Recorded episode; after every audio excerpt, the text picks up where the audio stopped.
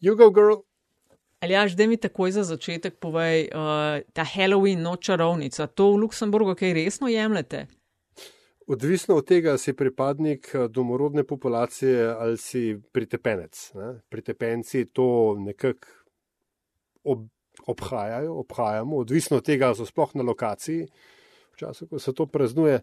Uh, domači se pa bolj tako, imajo bolj nos vihajo, ne? pač te. Pa, A je mogoče malo odvisno tudi od tega, ali imaš otroke ali ne, ker se mi zdi, da njim to malje zabavno ali ne. Oh, ne, drugač Halloween je pa tako, veš, tkle imaš sploh cel kup teh young professionals, ki da, sam, da se žurka, da je žurka, ne, in pol imaš, eh, sploh le v času korone, so bile pa raznih house party, pa tako z napol spuščenimi zavesami, da se kao ni videl. Mhm. Ja, jaz se tega, le, ker sem odraščala, ne spomnim. Ne? Uh, je, bilo, je bil big deal, se spomnim iz ameriških let in da se je to pa glih takrat, pol, ko sem nazaj prišla, sem pa napolno opažala tudi v Sloveniji. Ja, ja. Sam se mi zdi, da mogoče ni, ni več uh, toliko entuzijazma za to. Ne vem, moj občutek. Živijo zdravo, v metinem čaju, številka 217 je to, to je podcast o eh, medijih, eh, dobrih in slabih praksah, novih tehnologijah in trendih prihodnosti. Gosti v medijih delajo, z njimi živijo in v njih razmišljajo, ali pa se vsaj z njimi zelo veliko eh, ukvarjajo. Gostitelja pa sva Aljaš Pengovitenc Radio Chaos in Nataša Briški Metina Lista za komentarje in predloge. Res hvala, pošiljate jih lahko bodi si na ključnik Metin čaj ali pa recimo na e-mail naslov infoafna. Metina lista pika.si in uh, danes ali pa tokrat imamo v planu um, zelo zanimiv pogovor, kjer bodo stične točke, uh, kaj demokracija, človekove pravice, oglašanje ljudi na visokih položajih in pa mediji. Tako nekako, ne ali až. In ne nujno v tem vrstnem redu. Mm -hmm. In super gosta imamo, ki je že bil enkrat uh, gost metinega čaja, ampak to je bilo pred skoraj petimi leti. Matjaš Gruden, Svet Evrope, živijo. Lep pozdrav. Hvala za vabilo. Koliko enih stvari, Matjaš, se je spremenilo ne, v zadnjih petih letih? Se mi zdi, boš ti povedal. Uh, ne vem, tvoj, uh, ok, na začetku se gostje vedno mal predstavljajo, tebe zelo, zelo dobro poznamo, ampak vseeno za tistih nekaj, ki, ki mogoče te ne tako zelo. Um, lahko se sam mal predstaviš, pa mogoče dodaš, če se je kje v zadnjih petih letih uh, spremenil službeno gledano in tako dalje. Ja. Um... Sveda so se stvari spremenile, v glavnem na slabše. Ne? To je zdaj, kar se tiče tega zadnjega dela. Kar se tiče pa mene, moje ime je Matjaš Gruden, živim in delam v Strasburu, v svetu Evrope, kjer sem direktor za demokratično participacijo. To je eno tako skrivnostno ime, ki je bilo ob nastopu moje funkcije sicer še daljše, pa sem ga skrajšal, ker si ga nikakor nisem mogel zapomniti, ko sem bil malo avtoritaren. Uh, dejansko pa pomeni, da uh, tukaj v organizaciji sem odgovoren za uh, vse naše programe uh, medvladnega sodelovanja na področju vzgoje, vključno z vzgojo za demokratično državljanstvo, uh, naše programe na področju sodelovanja z mladino in uh, mladinskih politik, uh, kulturo, kulturno dediščino, okolje, Poleg tega sem pa tudi, tako bi rekel, malo ekstrakurikularno, tudi še vedno zadolžen operativno nad platformo Sveta Evrope za zaščito novinarjev in svobodo medijev, pa tudi uh, zadolžen strani uh, generalne sekretarke za pripravo letnega poročila o stanju človekovih pravic, vladavine prava in demokracije v Evropi. V Svet Evrope bo k malu 1. novembra 26 let, kar sem tukaj, tako da sem že mal en del pohištva. Uh, prej sem pa delal tudi na kakšnih drugih funkcijah. Uh, bil sem direktor za strateško načrtovanje, predtem sem bil v kabinetu dveh generalnih sekretarjev na različnih uh, zadolžitvah, politični svetovalec, pisec govorov. Začel sem pa v parlamentarni skupščini Sveta Evrope. Je to v redu? To je super in se mi zdi noro, dober timing. 1. novembra si začel tam. 2. novembra sem začel, 1. novembra sem prišel uh, iz Bruslja v eno prazno stanovanje, v en čemeren, temen, deževen, mrzu Strasbourg. Uh, Zakrat tako mal čuden počutil. Ja, 2. novembra sem pa potem začel. Wow, dober timing. Uh, ja, Matjaž, za štart, povej, kaj je novega na Zahodu. No, s tem se nisi pohvalil, uh, z uh, kolumnami v večeru. A, ja. In tako, s svojo res medijsko prisotnostjo pri nas. Ja, to je res. Ja, to pa uh, v bistvu sicer um, sem uh, pisal občasno, uh, tudi že kdaj prej. Uh, potem je pa prišlo uh, do preloma. Uh, da sem začel te stvari delati bolj redno. Po pravici moram povedati, malo me je mogoče narodno, ampak mislim, da je prav, da povem, da je v bistvu ta prelomnica bila prav meti na lista, ker prvo povabilo za sodelovanje uh, redno je uh, prišlo uh, od tebe oziroma od meti na liste.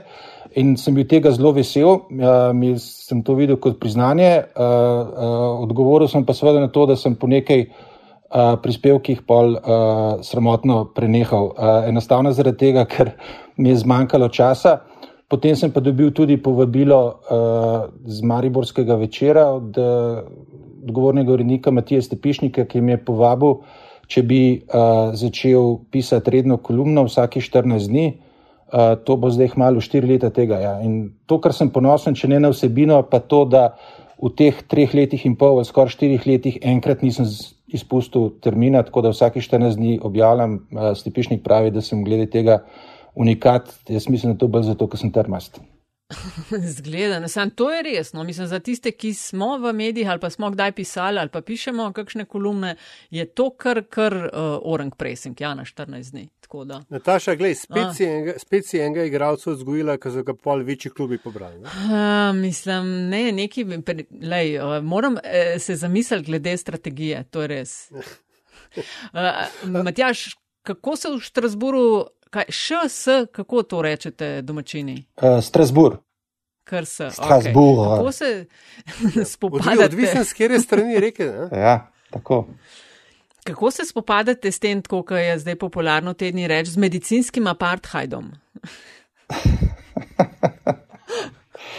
No, jaz mogoče temu ne bi uh, tako rekel. Uh, nadležno je, ne, uh, uh, seveda, um, mislim, da se spopadamo, bi rekel, primerjalno, uh, ko bi temu rekel, da ne bi koga užalil, drugače kot v Sloveniji. Uh, uh, dejansko je uh, situacija, ki je bila tukaj, tako kot posod drugot, mestoma zelo komplicirana, zelo težka, zelo naporna. Mislim, da so bile tista prva, prvi lockdowni, verjetno eni od najstrožjih, ki, ki so bili kjerkoli. Uh, se je vseeno uh, uh, stvar začela potem premikati na, na boljš. Uh, cepljenje se je začelo tukaj malo počasneje in kasneje kot v nekaterih drugih evropskih državah, ki je potem, ko je vzelo za let, uh, prišlo zdaj do zelo zavedljivih številk, tako da stopnja precepljenosti vseh nad 12 let uh, je danes uh, 86 ali 87 odstotna. Uh, to pomeni, da uh, je tudi življenje sorazmerno normalno, ali pa vsaj primerjavi s tistim, ki smo ga poznali v zadnjem letu in pol. Um, pas saniter, to je ta uh, ne, francoska inačica uh, COVID-nega potrdila, uh, ga je treba pokazati na predvsej javnih mestih, uh, kinu, gledališču, restauraciji. Um, to ljudje spoštujejo in, brez, in spoštujejo brez posebnega nerganja. Uh, v zameno pa pravim, je pa ena sorazmerna, sorazmerna normalna. Vse stvari so odprte, vse stvari normalno funkcionirajo.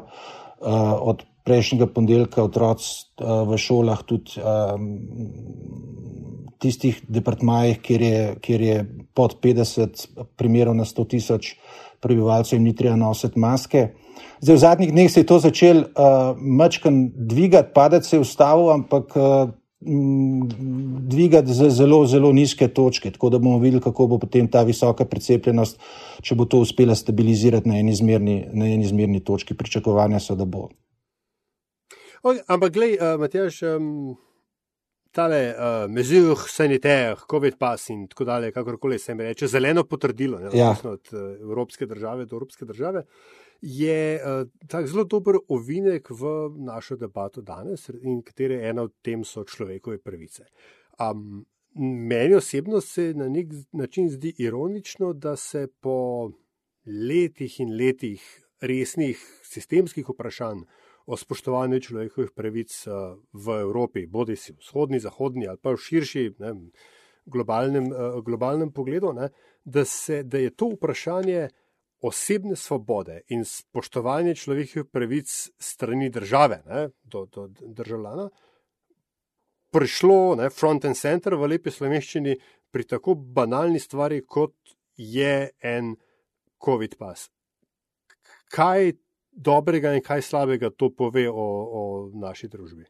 Ja, ne vem, kaj pove dobrega. Jaz mislim, da so nekateri imeli iluzorna pričakovanja ali upanja, tudi jaz, morda na začetku tega, da bo to priložnost, ker bomo ljudje kot posamezniki in kot skupnost uspeli pokazati tisto, kar je najboljše v nas: solidarnost, odgovornost, um, razum. Um, žal se pogosto kaže, uh, da, je, da je stvar pravzaprav obratna.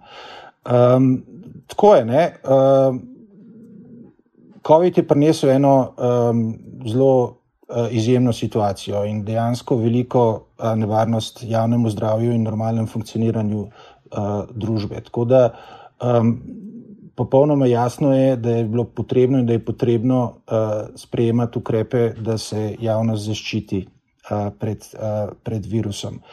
Uh, zdaj, um, to počne na načine, ki dejansko objektivno ne, uh, uh, v nekaterih ozirih posegajo v uh, nekatere, nekatere pravice ali pa saj postavljajo vprašanja glede spoštovanja nekaterih pravic. Ne. Um, ampak tega enostavno ne moramo gledati tako absolutno ne, in uh, uh, izuzeto izven konteksta. Vse uh, uh, Evropska konvencija za človekove pravice uh, sama uh, dejansko postavlja uh, um, tudi, uh, vključuje možnost omejevanja uh, človekovih pravic v nekaterih situacijah, s tem, da seveda natančno določa, um, kakšni ti posegi lahko so, kako morajo biti sprejeti. To pomeni, da morajo biti zakoniti, da morajo temeljiti na zakonu, ne pa na enih arbitrarnih odločitvah. Da morajo uh, biti sorazmerni, to pomeni, da poseg v človekove pravice uh, ne sme uh, biti večji uh, kot pa uh, nevarnost, pred katero se želimo zaščititi. In uh, morajo tudi zasledovati nek uh, legitimen cilj. Tako da ne, uh, postavljati vprašanje katerega koli od teh ukrepov, tako absolutno, ne, kle, ups, kle gre pa za poseg v moje pravice, ne, uh, uh, je, je, je mal uh, netočno in zavajajoče. Vse je dejansko treba oceniti glede na te kriterije, uh, um, um, ki, sem, ki sem jih omenil. In to velja tako kot za ta uh, zeleno potrdilo, pas saniter, uh, kot tudi za druge ukrepe, uh, ki so uh, bili u, uvedeni. Na koncu koncev tudi, tudi za cepljenje. Ne? Ampak, a se ti ne zdi mogoče zdaj zelo um, um, grabim za slamice, um, trohlega upanja? To, da so um, ne, mase ljudi naenkrat ugotovile, da oni pa imajo človekove pravice, kakorkoli jih pa že interpretirajo. Ne? A je to mogoče vendarle nekaj, na, kar, na čemer se mogoče lahko dela, pa ne vem, da gremo še enkrat v srednjo šolo, kar se tiče pojmovanja človekovih pravic in tako dalje, ali je to čist, bom rekel, šlo od svet in Jaz mislim, da lahko obupaš malo na temelju tvojimi slamicami. ne, uh, uh, ne, mislim, um, zdaj, uh, seveda, če je vprašanje, ali lahko v tem um, ozaveščanju glede lastnih pravic vidimo nekakšen družbeni napredek glede uh, položaja in spoštovanja uh, človekovih pravic v prihodnosti, potem sem jaz tukaj mal skeptičen iz več razlogov. Prvi je ta, da um, gre za en tako, bi rekel, zelo ozek, um, zelo osko uh, ozaveščenost lastnih pravic, ne, uh, ki se zelo malo ozirajo tudi na pravice drugih. Uh, in to je tisti ključni del, ga, uh, na kateri temelji tudi Evropska konvencija o človekovih pravicah, kjer gre vedno za bi rekel, um, um, um, eno, eno uravnoteževanje med pravicami, ne, in, in, in, ki jih zasledujemo. Tako da uh, človekove pravice niso absolutne in ne gredo čez tisto, kjer lahko uh, dejansko povzročajo uh, škodo, nevarnost, ogrožajo ali pa kršijo pravice, pravice drugih. Tako da uh, jaz bi recimo uh, videl en napredek, če bi prišlo do situacije, kjer bi ljudje bili um, se bolj zavedali pomena človekovih pravic in to uh, kazali na način uh, spoštovanja pravic vseh, pravic drugih, pravic manjšin, pravic tistih, ki so ogroženi. Uh, ta, to ekskluzivna uh, obsedenost samo samim sabo, ne, ki ga tudi vidimo v. Ne, ne, ne želim posplošljati, ne govorimo o vseh, ki imajo glede teh stvari vprašanje. Uh, in mnoga od teh vprašanj so upravičena in, in, in, in, in legitimna, ampak mnogi ne, kažejo tam en zelo, zelo, eno zelo veliko, uh, bi, bi rekel, um, sebičnost, prej pa kot spoštovanje za človekove pravice, kot instituta, na katerem temelji funkcioniranje ene normalne, civilizirane družbe. Matjaš, na začetku si, ko si se predstavljal, si glede tistega dela, kaj se je spremenilo v zadnjih petih letih, eh, omenil, da je šlo en kup stvari na slabše. Zdaj, v tem zadnjem čaju, ki smo si ga prvoščili leta 2016, se spomnim si govoril o trendu populističnega nacionalizma oziroma obratno in kako se krepi v srednji Evropi. Zdaj, danes se mi zdi, da, da, smo, da je to že mal na uh, steroidih. Pred eh, tedni si pa tudi imel zelo odmevno kolumno In sicer o težavah, ki jih sabo nosi populizem, uh, tudi po Evropi. Um, če bi lahko mal o tem govoril, kaj zaznavate v teh petih letih, kar se tega trenda nacionalizma, populizma tiče, ne? in a je levo, desno enako, ali to moramo čisto ločiti, ali kako uh, je treba to razumeti, no, po tvojem?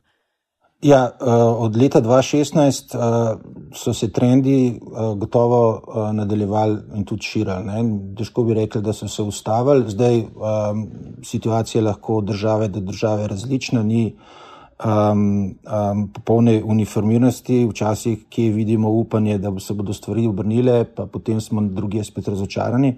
Uh, tako zelo fluidna je slika, ampak generalno gledano bi težko rekli, da je prišlo do izboljšanja, prej nasprotno.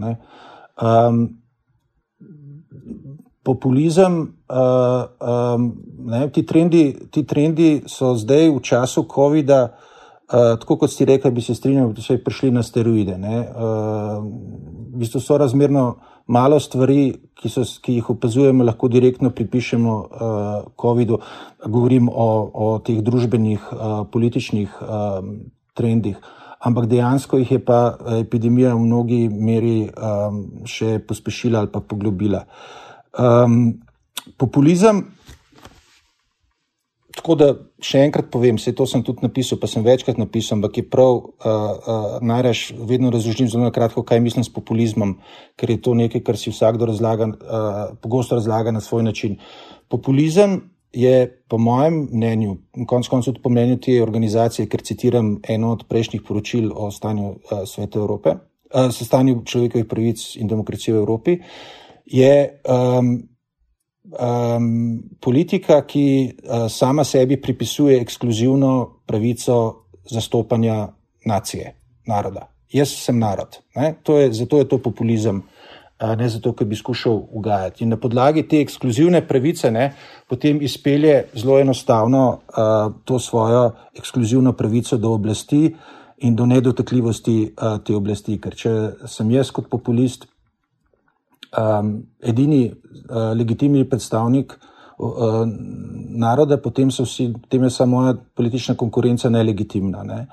Uh, pravosodje, ki mi uh, hodi v zelje, uh, je ravno tako sovražnik naroda, mediji, ki me kritizirajo, so fake news mediji, civilna družba, ki mi nagaja, so tuji agenti um, in, tako na, in tako naprej. Uh, to je tako, jaz razumem poplin. Zdaj, aj to levo, desno? Ne, Ne? Uh, dejansko je res tako, bi rekel, uh, da če pogledamo, uh, smo soočeni najpogosteje in predvsem z, um, z uh, desnim, skrajno desnim populizmom, ampak to ne pomeni, um, da, je, da je to edina možna varijanta populizma. Populizem ravno tako uh, uh, vidimo lahko pri um, um, politiki, ki uh, sebi pripisujejo, da so na levem polu političnega uh, spektra, um, če me vprašate, vprašate, kje bi zdaj to danes v svetu rekel, sigurno je Venezuela en tak dober primer,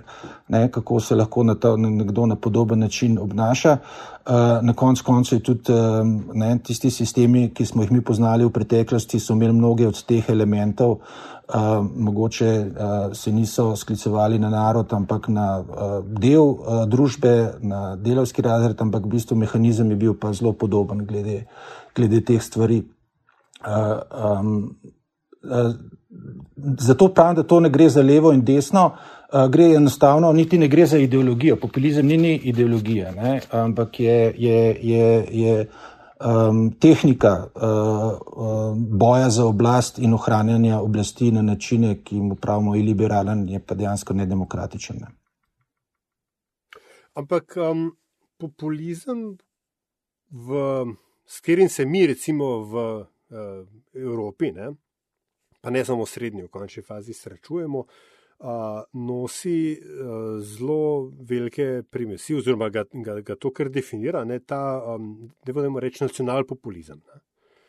Se pravi, neko sklicevanje na, na višjo um, narodno pripadnost, na, na, na nacionalno ekskluzivnost. Ne. Uh, In takrat, ko smo se mi pred kaj to zdaj tega petimi leti ne, o tem pogovarjali, um, je obstajala um, zdaj, ne, neka zunanja, kot in kot nevarnost. Ne, pač so, so, so to migransko krizo, njih eh, odmevi, ne, velike grozne množice so se iz vzhoda valile na, na to našo bogo krščansko Evropo in tako dalje. Ne, tak je bil narativ. In uh, seveda se potem ni zgodilo, ne, nek teh katastrofičnih scenarijih. Prvič je absorpcijska sposobnost kontinenta uh, dosti večja, kot so tak, pač takrat razlagali, in drugič, tega spet ni bilo toliko. Um, kje smo pa zdaj, od, odkot po tvoje m, nacionalni populizem ne, leta 2021 vleče to svojo legitimnost?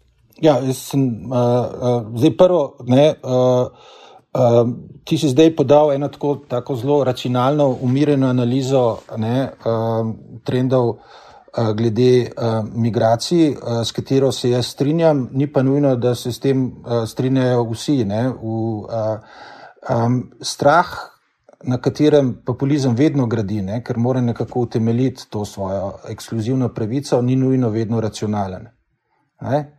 Um, in je uh, um, v Evropi še vedno toliko uh, nakopičenega um, strahu, pa tudi nezadovoljstva, ki je tako zelo dobro pogonsko gorivo za, za, um, za populizem uh, in to, ki enega prestrašenosti, uh, ki je tudi posledica tistega, kar se je dogajalo se še dogaja um, da, da to daje še vedno dovolj, dovolj podlage za vzdrževanje tega občutka um, ogroženosti, stalne ogroženosti, brez katere populizem ne more, ne more um, delovati. V, v Franciji ne, se strinjam, da sploh ne govorimo samo o vzhodni Evropi. Mislim, da je to um, um, zelo pomembno poudariti. Uh, v Franciji bomo imeli naslednje leto um, predsedniške volitve, oziroma bodo imeli, ker na predsedniških ne bom volil. Um, in uh, se je pred tedni pojavil kandidat, uh, ki sicer znano ime, ampak uh, Erik Zemur in njegova platforma je um, velika selitev. Uh, tista uh, Bav-Bav, na katerega ne, se rajcejo mnogi uh, desničari, skrajni desničari po po Evropi, tudi, tudi pri nas. Njegova teza je, da je Francija v državljanski vojni, ker jo ogrožajo um, divjaki, ki skušajo iztrebiti um, belega heteroseksualnega moškega katolika. Tole zadnji je citat, ni, sem si nisem izmislil, ne, uh, ki uh, pravi, da se bodo morali vsi um, muslimani v Franciji, in teh je okrog 5 milijonov, odločiti ali med Francijo in med islamom, in če se bodo odločili na robe, bodo pač morali spokati. Um, njegova, ena od njegovih predvolilnih obljub, čeprav ni še uradno potrdil kandidature, ampak uh, je to samo vprašanje časa, je, da bo prepovedal ne francoska imena. Ne. Um, um, tako da in ta človek ima zdaj uh, trenutno uh, po uh, teh raziskavah tam nekje 16-17 odstotkov uh, glasov v Franciji, ne? diha za uh, vratnik Marine Le Pen in je kar prej pred katerim koli od drugih kandidatov te um, tradicionalne uh, uh, desnice republikancev, pa predvsej pred uh, uh, katerim koli um, kandidatom iz uh, politične strani spektra. Tako da to je slika, ne? ki je in to uh, strašenje z ogroženostjo, ne? ki prihaja predvsem stran, z vzhoda z, z migranti je še kako učinkovito in še kako prisotno. Ne. In to smo videli tudi v preteklosti v državah, ki niso v bistvu videli enega migranta, je to uh, lahko bila zelo učinkovita populistična uh, platforma. Ne. Na Polskem je to delovalo, pa se jih imel, uh, bi jih lahko na prste ene roke prištel tiste begunce, ki so prišli uh, ne, iz, iz, iz bližnjega vzhoda. Ali pa mačarska, ne. Tam mačarska. Ni prav velik, ne. Eh, le, ko vladajo populisti, kot tudi pišeš, no, eh, so na udaru sveda vladavina prava, človekove pravice in pa jasno tudi mediji. Takrat eh, v našem zadnjem pogovoru smo, se mi zdi, da se je takrat vzpostavljala šele ta platforma za zaščito medijev. Ne. Me zanima, kako se je prijel, kako deluje, ste zadovoljni.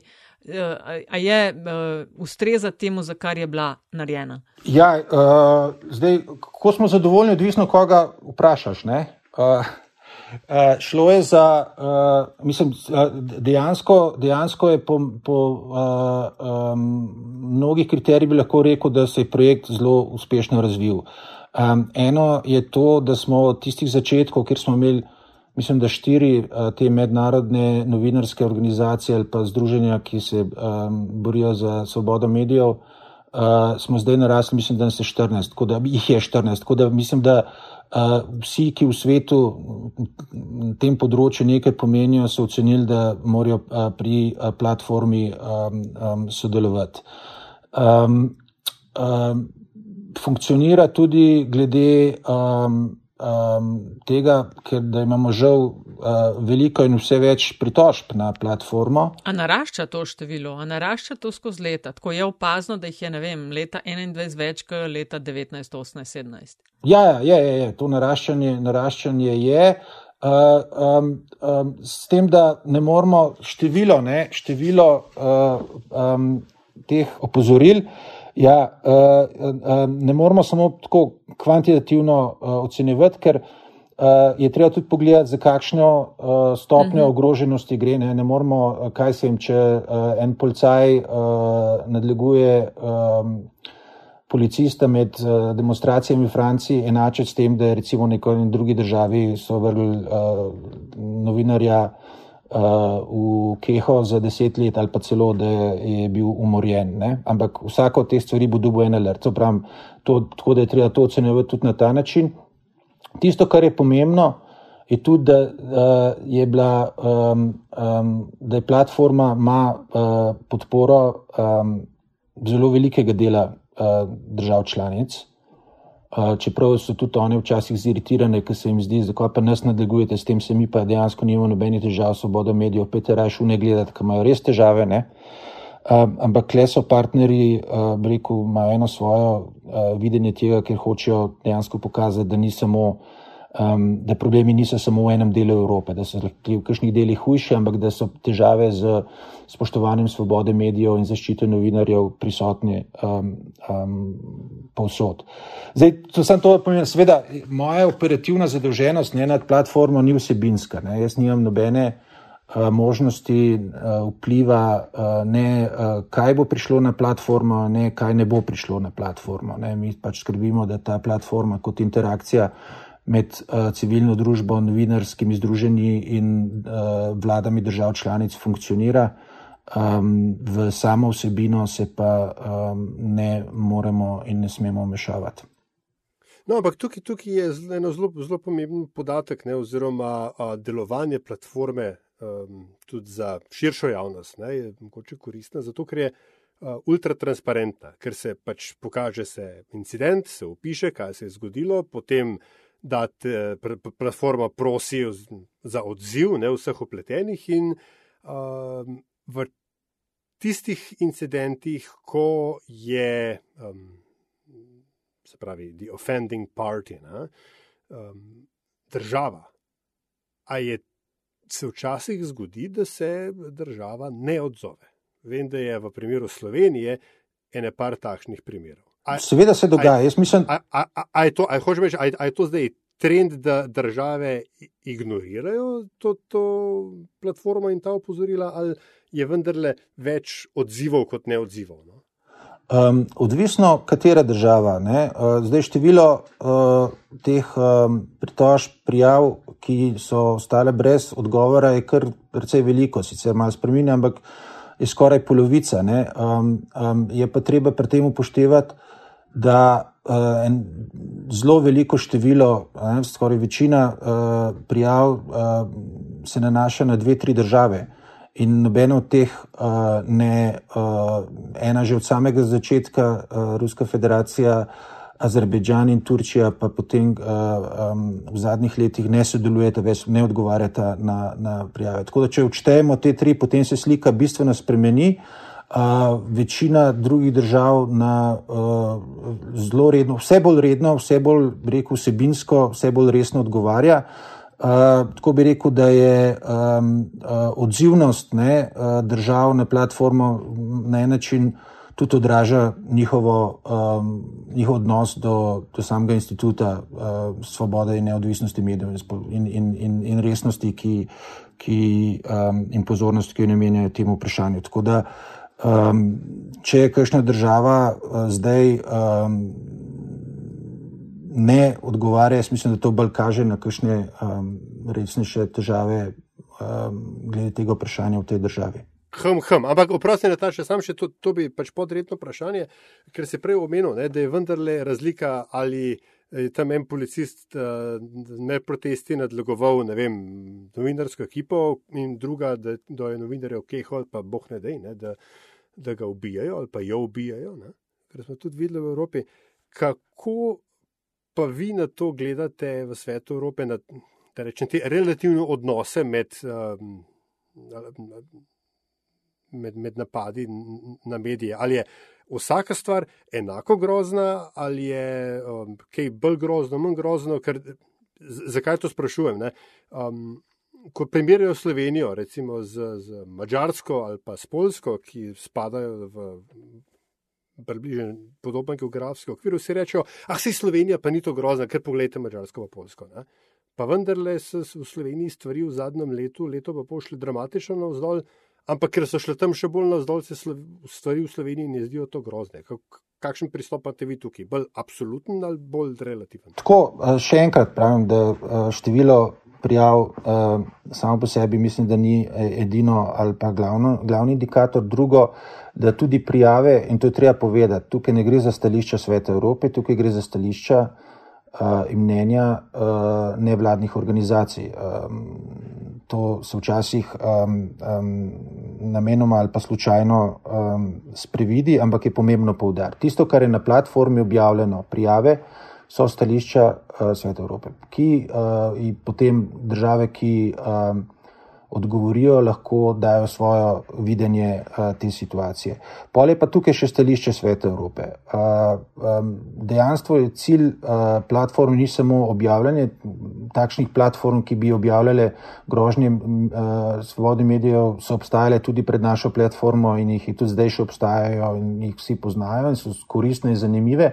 Ampak prednost oziroma značilnost te platforme je ravno tem, da, da, da gre za interakcijo z eno platformo um, interakcije sodelovanja tudi uh, uh, na tem področju med uh, civilno družbo in med uh, vladami. In cilj je, da se v bistvu um, um, na podlagi prijav identificirajo tiste, um, za katere mi kot organizacija uh, smatramo, da so. Um, Lahko po eni strani najbolj resni, po drugi strani tiste, kjer bi mi lahko najbolj pripomogli uh, k reševanju. Uh, Um, to se lahko dogaja na bilateralen način, predvsem pa iščemo v bistvu vzorce, sistemske uh, probleme, ki bi jih potem lahko z ustreznim um, um, odzivom uh, na, na, na nivoju uh, sveta Evrope lahko, um, lahko poskušali rešiti. Recimo primer, ki ga lahko dam za Kitake, so bili dejansko um, problemi in kršitve medijske svobode in um, um, uh, varnosti novinarjev med protesti. Um, to je dejansko problem, ki je precej razširjen um, uh, in na podlagi tega, kar je bilo objavljeno na platformi, je potem generalni sekretar uh, naročil Beneški komisiji naj izdela um, um, te smernice vladam, kako uh, urejati to področje in na kakšen način um, zaščititi novinarje um, v njihovem delu v, te, v tem kontekstu, kaj države lahko naredijo in um, česa, česa ne smejo. To je glavni uh, uh, cilj, tisti najbolj zaželen. Ne? Seveda ima svojo funkcijo tudi v tem, da, obja, da se objavljajo, da imamo eno sliko o tem, kaj se dogaja, ampak cilj ni samo name and shame, ne, ampak je dejansko tudi, da se potem um, glede tega nekaj naredi. O Sloveniji se v Evropi v zadnjem letu in pol zelo veliko govorim. Eh, iz vladne strani to interpretirajo kot eh, ta aktivna diplomacija in veliki uspehi. Eh, jaz bi rekla ravno nasprotno, glede na to, na kaj se odzivajo evropske inštitucije. No, ampak v kontekstu tega, koliko se v Sloveniji na evrosceni veliko govori, koliko pa Slovenija skrbi svet Evrope.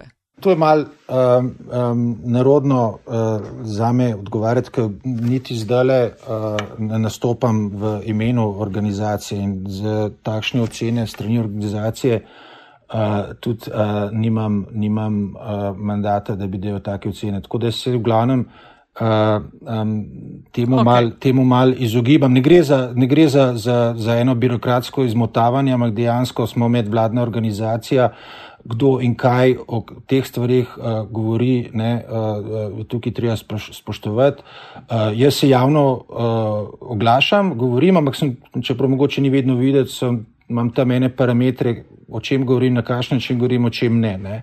In imam zato tudi celo uradno dovoljenje strani organizacije. To mi smo birokracija, se je to mhm. treba, je to treba zahtevati in pa, pač ta del uh, uh, uh, tudi spoštujem. Govorim um, v glavnem, uh, ne, objavljam v Sloveniji o tem, kar se dogaja v Sloveniji, ker dejansko um, uh, nisem samo uradnik Sveta Evrope, ampak sem tudi Um, državljan Republike Slovenije in želim biti aktiven državljan, sem tudi zaskrbljen državljan in si pač o temah, s katerimi se tudi poklicno ukvarjam, v svojem osebnem imenu tudi um, um, izražam v tem prostoru. Ne. Zdaj pa, da bi pa ocenjeval države tako, uh, se pa temu, temu izgleda. Pa še ena, še ena uh, uh, ki bi uh, razlog je, uh, uh, ki ga moram pogosto izpostaviti, ko me sprašujejo za mnenje o tej ali oni zadevi, novinari Slovenije, ki se doskrat obračajo, obračajo name v zvezi z nekaterimi vprašanji, uh, kako bi jaz komentiral to ali ono. Tukaj moram biti tudi izjemno previden, ker konc koncev um, um, del sveta Evrope je tudi Evropsko sodišče za človekove pravice um, in ni uh, izključeno, da bi kakšne od stvari, ki jih videvamo danes, um, v različnih koncih Evrope, tudi v Sloveniji, uh, na koncu končala pred sodiščem. Tako da, uh, kot nekdo, ki je tukaj zaposlen, mora paziti. Okay. Ne zato, ker bi mislil, da bi sodišče avtomatično upoštevalo, kaj ima Tjaž Gruden rekel, ampak da bi lahko kakšno prehitro uh, neocenevanje, pa tako presproščeno, lahko nekdo izkoristil, da bi skušal diskreditirati tisto, kar na koncu uh, ne, um, kot argument za diskreditacijo ene sodbe, ki uh, mu ne bi bilo všeč. Razumem. Ja. Iz tvojih kolumn pa je zaznati, recimo, bom nadaljevala deloma si to omenil, no, eh, zaskrbljenost nad stanjem v Sloveniji.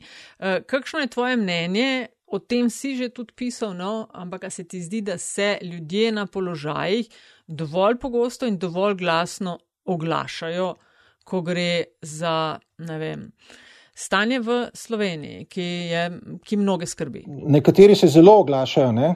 Uh drugi manj. Zdaj obstaja ena ta, rekel bi, um, navada, ne, da se z nekaterih pozicij ne, vem, ne, ne bi smelo. Ne. Uh, um, po drugi strani pa mislim, tako kot sem rekel, dejansko, um, kar se mene tiče, tukaj ni bilo nobene dileme. Jaz spoštujem um, vse tiste pravila in omejitve, ki zaradi moje funkcije veljajo. Ampak mislim, da kot, um, da kot uh, uh, nekdo, ki se s temi stvarmi profesionalno ukvarja in v kateri tudi nekaj vem, uh, nisem edini, sem pa gotovo med njimi, med tistimi, ki o tem nekaj vejo, se mi zdi prav, da se o tem uh, oglasim. Um, um, in mislim, da je to na koncu koncev, če je kdorkoli zaskrbljen, um, bi moral to narediti. Uh, potem je pa način, kako to počnemo, ne? kakšen je diskurs uh, javni, ne samo strani politikov, ampak vseh, ki na tak ali drugačen način sodelujejo v javni uh, razpravi. Tako da uh, morda je problem, um, da se oglaša premalo ljudi, uh, mislim pa, da je še večji problem, bistveno večji problem način, na kakšen se oglašajo tisti, ki se oglašajo. Kaj pa tebe kot državljana, ta hip v Sloveniji?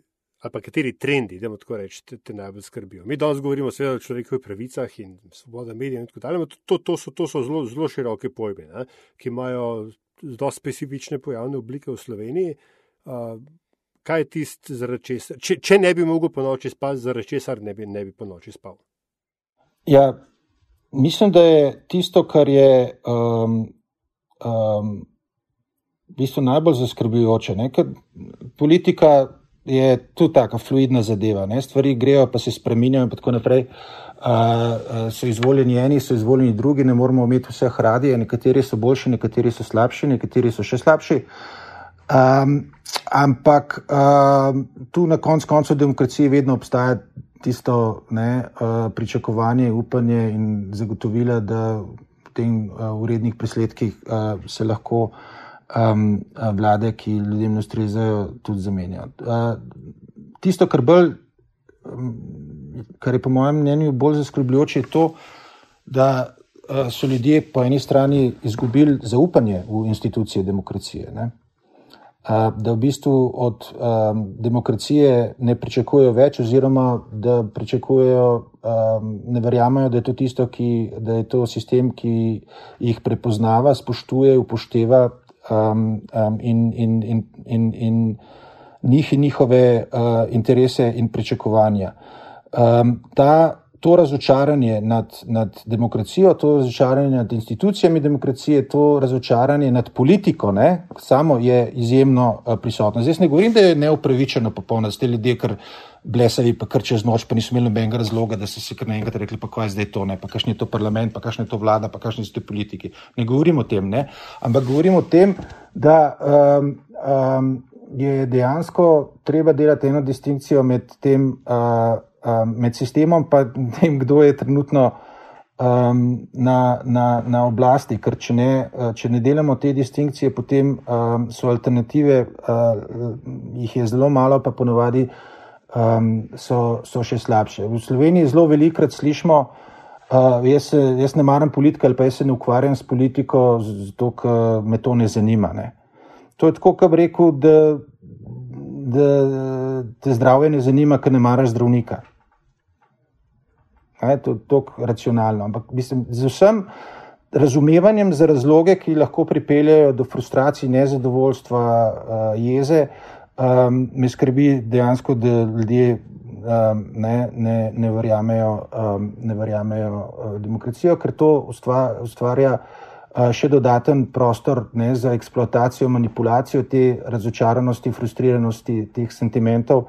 Um, um, zato, da se na mesto uh, demokracije vzpostavijo kakšne uh, še bistveno uh, bolj um, um, neprijetne, ne še bistveno bolj, bistveno bolj neprijetne um, avtoritarne alternative. In um, Slovenija v tem ni um, edina, ne, je pa to sigurno uh, um, zelo, zelo uh, prisotno. Uh, in um, odgovornost je pa na strani politike in institucij. Ne, uh, to, je pa, to je pa popolnoma jasno, da pač uh, ljudje bodo verjeli v demokracijo, če bodo, uh, ne če bodo vedno zadovoljni, ampak če bodo imeli občutek, um, da uh, imajo dovolj um, zagotovil in garancij, uh, da bodo ljudje, ki so na oblasti, uh, odgovorni, transparentni, kompetentni, uh, pošteni uh, in da bodo pripravljeni prevzeti odgovornost za svoje dejanja in za svoje napake in da jih bodo imeli.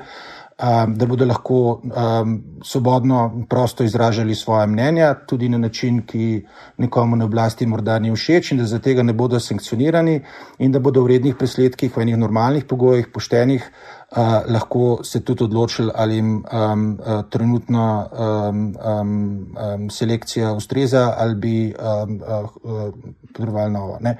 In to, kar me skrbi, je, da um, ne, se ti trendi um, so tudi zelo um, um, pojavljajo tudi pri mladih. Ne?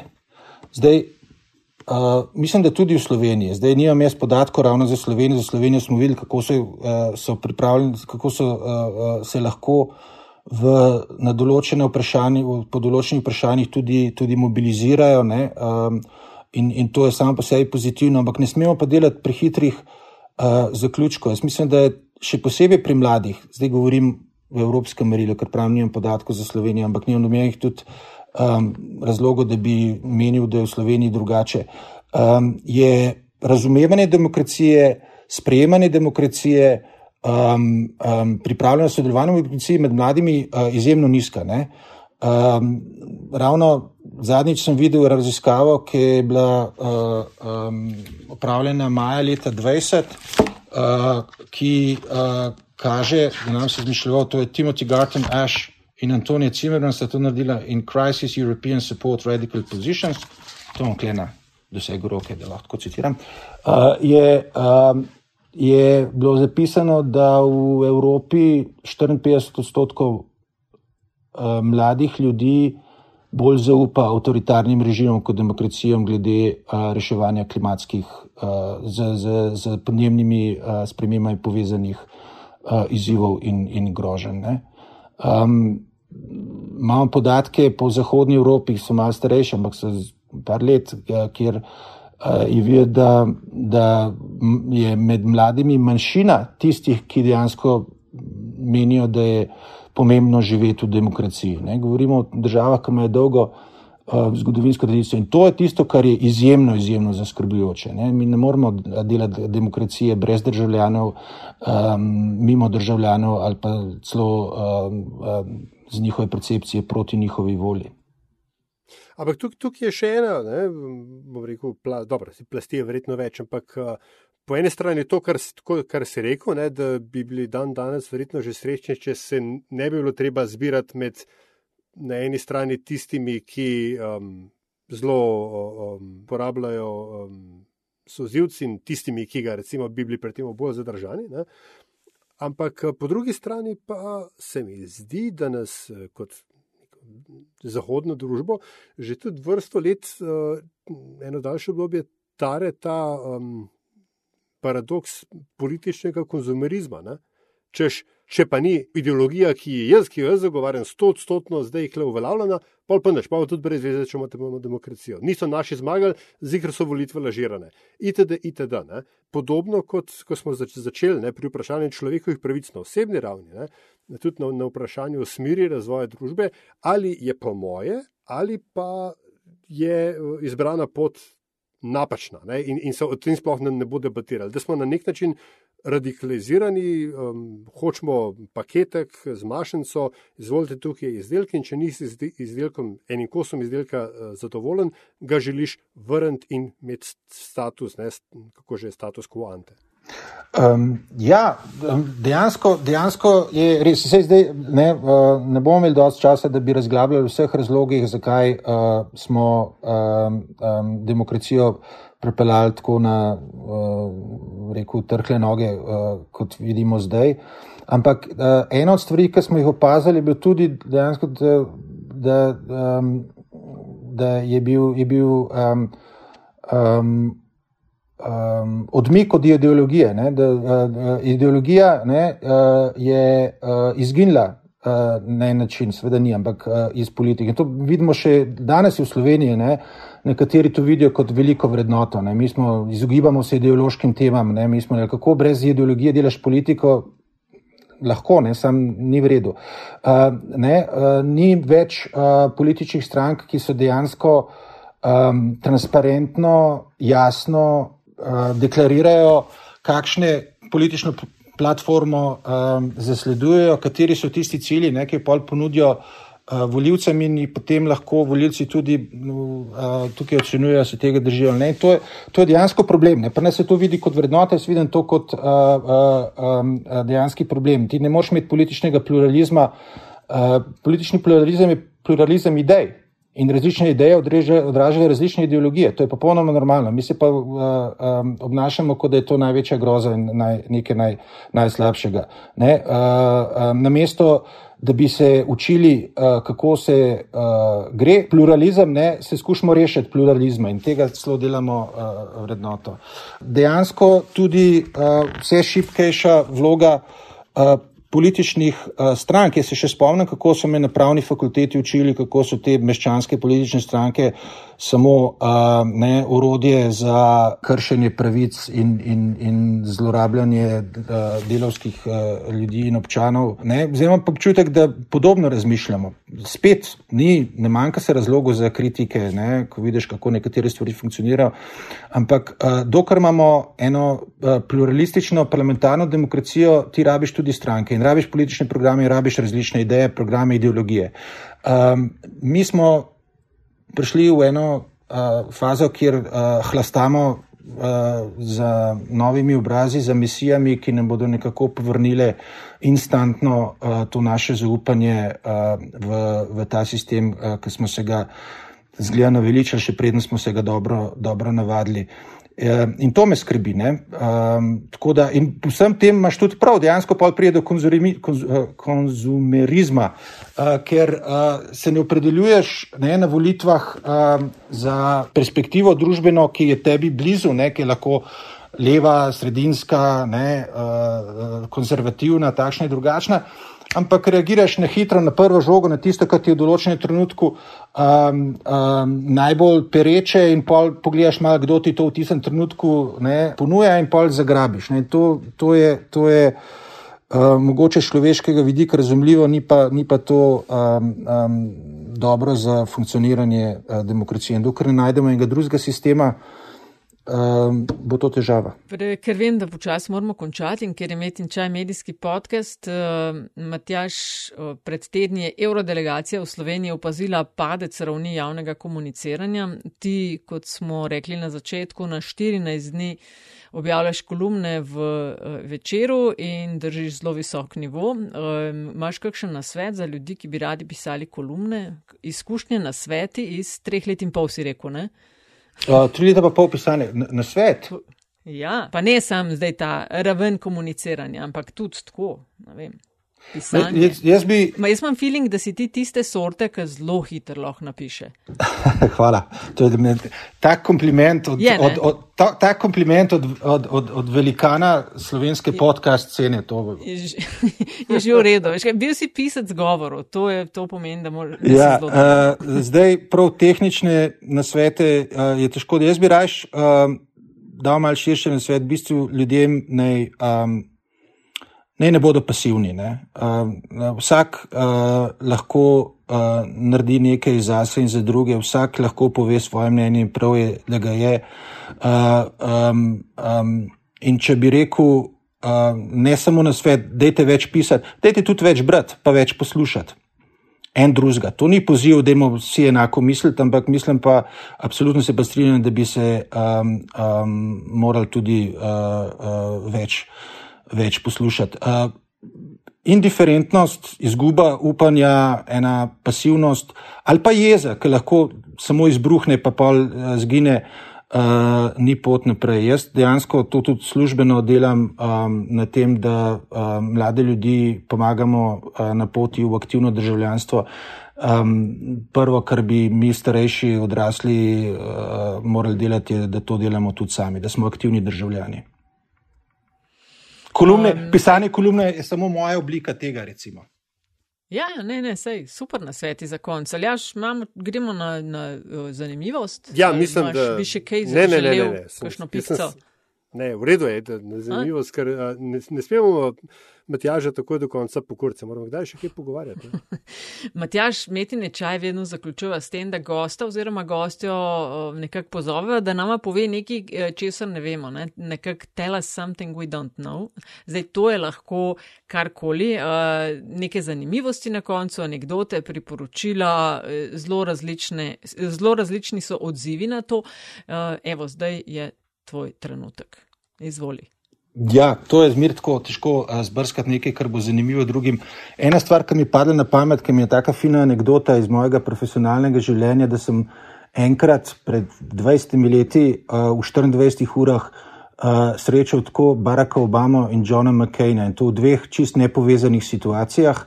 Uh, Barack Obama zadnje leto, ko je bil senator v uh, Illinoisu, prednji odšel v Washington, uh, ker smo organizirali eno okroglo mizo uh, v um, um, Springfieldu o odpravi smrtne kazni in je bil Barack Obama uh, edini, ki se je hotel o tem pogovarjati z nami, pa še on je bil bolj tako previden. Meni film, imeli smo Arte, uh, ekipo televizije Arte sabo, ki so to snemali in so pa zbrskali in posnete, ker on govori pol sobe spi, jaz sem tam gledal v en uh, računalnik, sploh ga nisem poslušal in tako naprej, ker nisem vedel, ne, s kom koga poslušam. Pol tam na hodniku smo se, um, smo se rokovali, spoznali, uh, pa sem pa od tam uh, odletel s mojim takratnim šefom v New York, kjer uh, smo bili povabljeni na sestanek z Johnom McCainom, ki pa je seveda bil že uh, ameriški senator. Uh, ki so ga zgleda zlobirali eni kazahstanci in so nam tam razlagali eno zgodbo, ki jih mi sploh nismo razumeli. Bilo je zanimivo, pač videti McCaina uh, v, v, v, v, v tisti, v, v, um, um, um, v njegovi pisarni. To je edino, kar se spomnim. Kazahstancev še vedno ne vem, kaj, kaj, so, kaj so dejansko hodili, pa kaj so mislili, da mi, mi lahko pomagamo. Vmes uh, so mi pa še kufr ukradli. To je bilo uh, uh, tako, da sem moral obleko kupovati. Pa zadnje, kar, kar je bilo cela, uh, in pol, uh, uh, je bilo pa to, da smo z Arte, skupino, uh, z Arte ekipo pol snemali intervju o odpravi smrtne kazni na Capitol Hillu. In uh, sta bila kamerman, novinar, in pa smo imeli francoskega senatorja Andreja Dreyfusa, zdaj že pokojen. Je, to je bilo pa v času Freedom Fries, se spomnite? Ne, nek, Seveda. Ja, ne? Ja, ja. In, uh, in tiste napetosti med Francijo ne, in, in, in, in ZDA. In pol uh, sta tale uh, Štefan in Simon iz Arteja postavljala uh, kamero, uh, in je, sta prišla takoj dva policaja, Capital uh, uh, policije, Policija. in sta rekla: No tripod, ne, ker je pač strah, da v tisti uh, tripod lahko vse sorte skriješ. Ne. In ker sta ona dva Nemca, ne, Simon in Stefan, je on rekel: Simon, kaj je rekel? Pa je rekel Štefan, kaj je Dreyfus? In to je slišal senator Andrej Dreyfus, ki sicer ni znal angliško. In je šel do unih dveh policajev in jih je deset minut nadiral v eni polomljeni angliščini, francoščini, da on se bori za Francijo, za vrednote francoske revolucije, da za oni ga pa že ne bodo tako odlašali. Una dva uboga policaja sploh nista vedela, kaj naredite, za kaj gre, ga morate aretirati ali odvleč. Jaz sem ga vlekel za, za sukniš, pa mu skušal dopovedati, da ne gre za to. Una dva barabe iz arte sta se pa valala po travi, pa se režala. ja, niti dolg čas, le. Ne, ne, ne, ne, ne, ni zmeri tako, ampak včasih je pa zabavno. Maš pa, maš pa viden, da skufri kar, uh, se te kar drži tiste, kaj je pa kufri. Ne? To me stalno spremlja. Matjaš, ful, hvala, ker si bil gost metinega čaja. Uh, zelo smo uživali. Najlepša hvala za vabilo, res.